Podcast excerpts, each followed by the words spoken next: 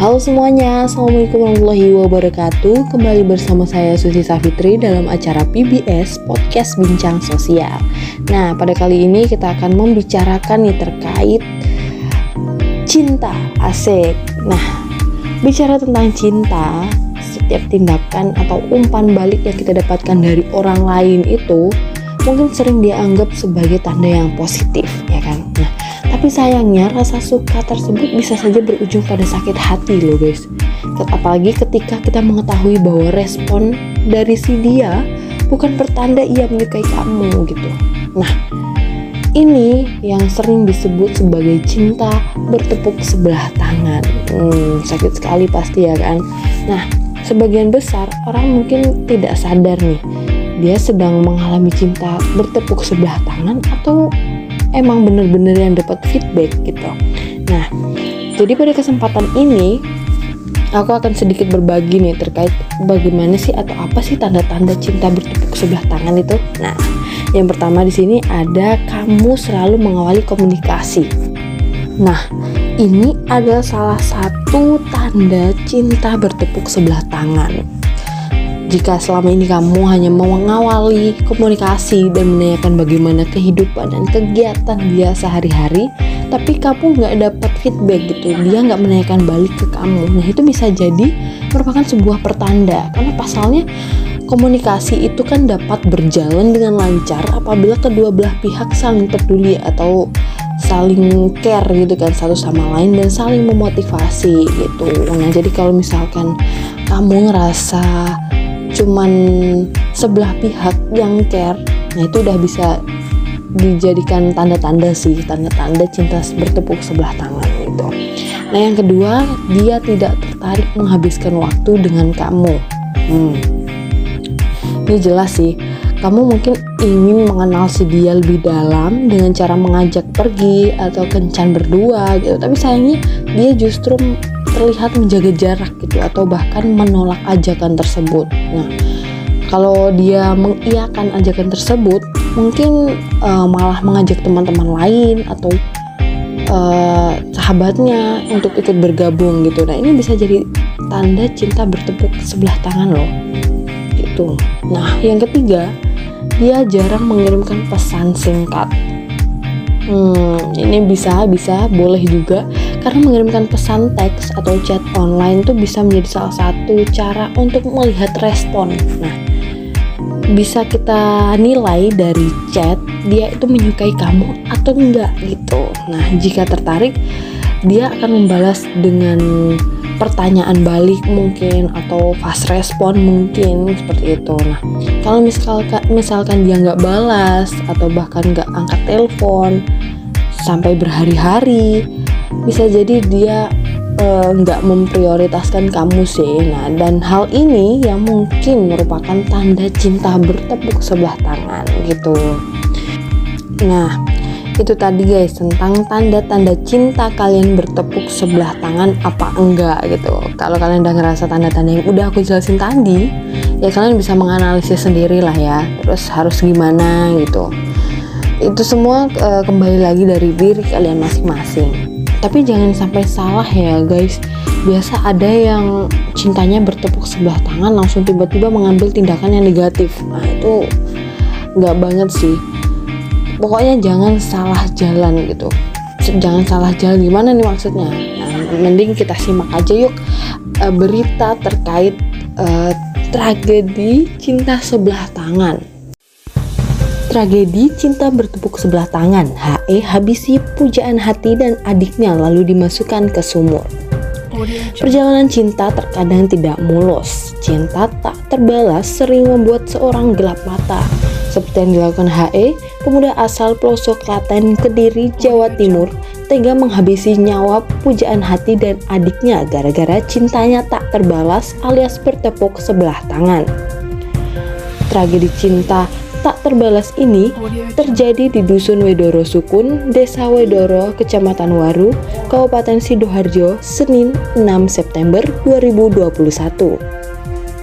HE yang selama ini tinggal di rumah kos daerah Sedati, Sidoarjo menaruh hati kepada DR, anak majikannya saat ia bekerja di warung kopi. Namun, Cinta HE yang kini bekerja sebagai sopir rental itu bertepuk sebelah tangan. DR tidak menaruh hati kepadanya. Karena itu, pada Senin September 2021 malam, HE berkunjung ke rumah DR untuk membicarakan masalah ini. Namun nahas, pertemuan itu justru berakhir tragis dengan tewasnya DR dan adiknya DA di tangan HE.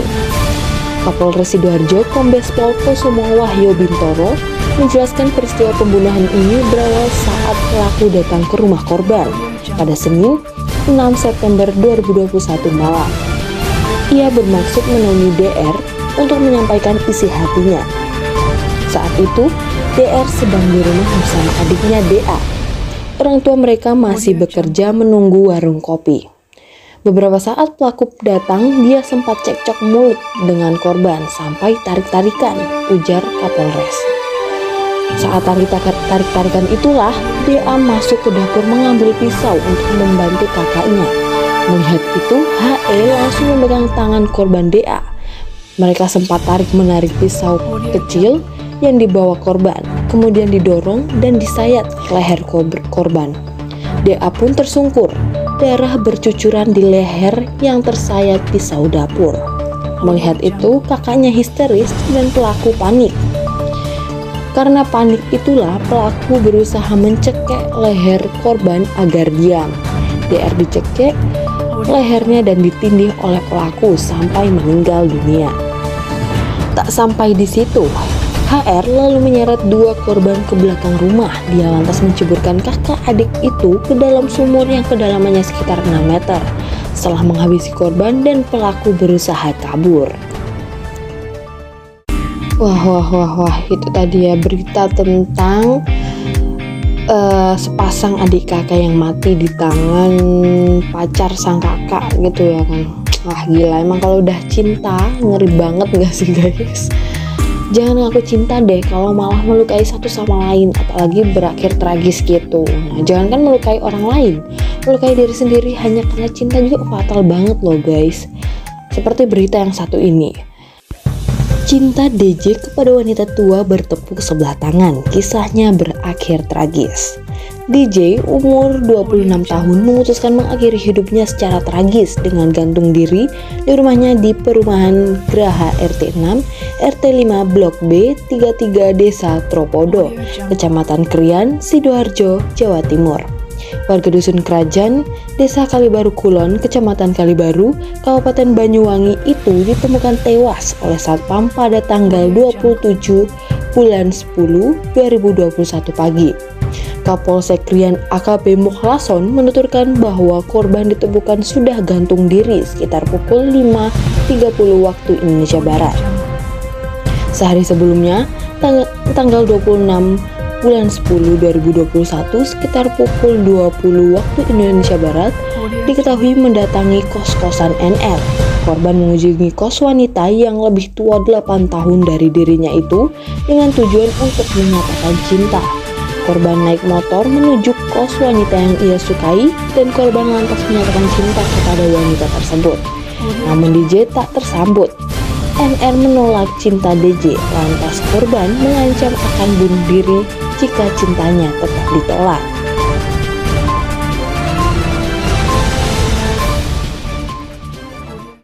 Wah ngeri gak sih guys? Bener-bener ya kalau udah cinta Emang semuanya jadi buta gitu. Jadi ini bisa dijadikan pembelajaran ya guys Buat kalian Untuk pintar-pintar menjaga dan mengontrol diri. Apalagi soal cinta kayak gini nih rawan emang sih guys. Jadi kembali lagi ke kalian Pintar-pintar lah menjaga diri sendiri gitu Nah, daripada kita tegang banget nih dari tadi dengerin berita-berita tragedi cinta sebelah tangan, mending kita dengerin aja yuk lagu dari Dewa 19 Pupus. Aku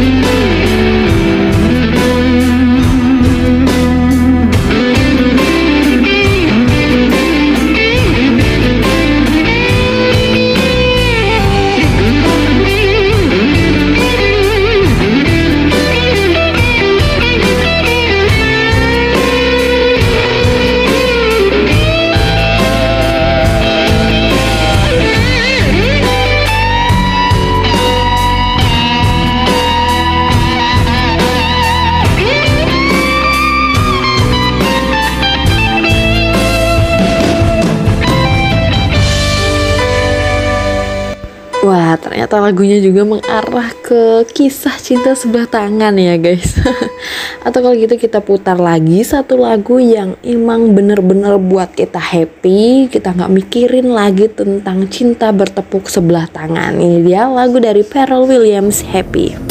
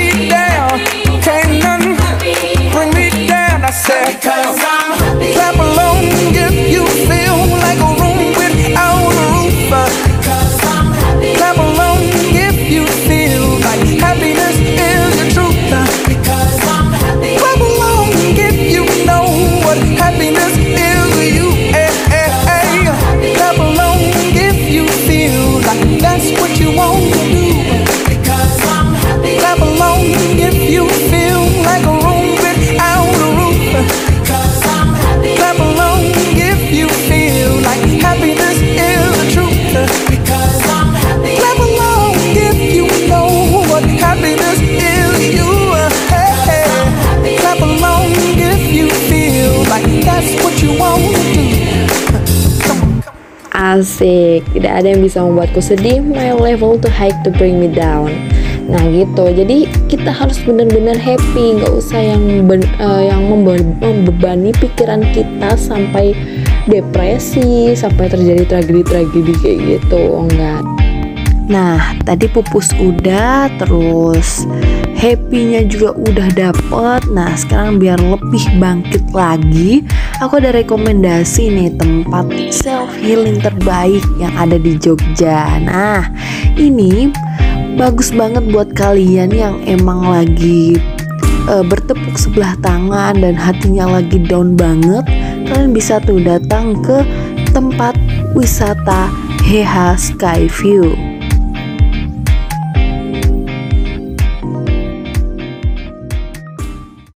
Di kota Yogyakarta, kembali menawarkan tempat wisata Instagramable yang wajib dikunjungi ketika Anda berlibur ke kota pelajar ini. Tempat wisata yang unik tersebut bernama Heha Skyview. Berikut ada beberapa ulasan terkait Heha Skyview dan fasilitas wisata yang ditawarkan. Wisata ini terletak di Gunung Kidul, destinasi wisata yang satu ini menawarkan berbagai spot foto selfie bagi para pengunjung. Dengan pemandangan gunung dan alam Yogyakarta yang menakjubkan, Heha Skyview jadi salah satu tujuan wisata yang apik untuk melihat sunset. Tak hanya itu, Anda juga bisa menikmati berbagai fasilitas lain di dalamnya. Berikut ada beberapa fasilitas Heha Skyview. Yang pertama adalah food stall terlengkap di Jogja. Tak seperti tempat wisata Yogyakarta lainnya, Heha Skyview menghadirkan fasilitas food stall beraneka ragam masakan untuk memanjakan lidah pengunjung pastinya. Selain itu ada juga restoran dengan berbagai konsep yang dihubungkan melalui Sky Bridge dengan pemandangan Gunung Kidul yang menang menakjubkan. Sangat cocok untuk Anda jika ingin menyantap makanan dengan pemandangan yang berbeda. Kemudian yang kedua, spot foto Heha Skyview. Di setiap sudut Heha Skyview terdapat berbagai spot foto yang menarik. Anda bisa mengeksplor semua sudut lokasi dan mengabadikan diri di sana, sehingga tak akan membosankan. Dan jangan lupa untuk memberikan momen di spot foto Sky Glass pada malam hari ya. Kemudian yang tiga ada live musik. Setiap harinya, Heha Skyview juga menyediakan live musik untuk menghibur para pengunjung mendengarkan live musik sambil melihat panorama alam yang indah tentu jadi pengalaman yang pengalaman yang tak boleh dilewatkan pastinya. Dan yang keempat, fasilitas lainnya di Heha Skyview. Di sini Anda juga dapat mendapatkan fasilitas lainnya seperti ruang rapat, area beanbag, parkiran luas, toilet, hingga musola. Nah, tunggu apa lagi? Ayo ke Heha Sky View dan dapatkan berbagai view cantik dari wisata Yogyakarta yang paling hits dan kekinian ini. Keren banget. Itu tadi tentang wisata Heha Sky View. Untuk kalian yang lagi cintanya bertepuk sebelah tangan lagi-lagi cinta bertepuk sebelah tangan jangan galau mending kalian uh, datang deh ke Heha Skyview karena rekomend banget sih apalagi untuk kalian yang emang lagi bermasalah dengan hati ya itu nah udah lama nih kita berbincang-bincang udah sekitar 20 menit lebih lah ya. Nah mudah-mudahan apa yang saya sudah sampaikan tadi, ada beberapa lagu yang sudah kita dengarkan sama-sama sampai dengan uh, rekomendasi tempat self healing dapat membantu kalian yang mendengarkan podcast kita pada hari ini. Oke. Mungkin cukup sekian. Terima kasih. Saya Susi Safitri pamit undur diri. Wassalamualaikum warahmatullahi wabarakatuh. See you.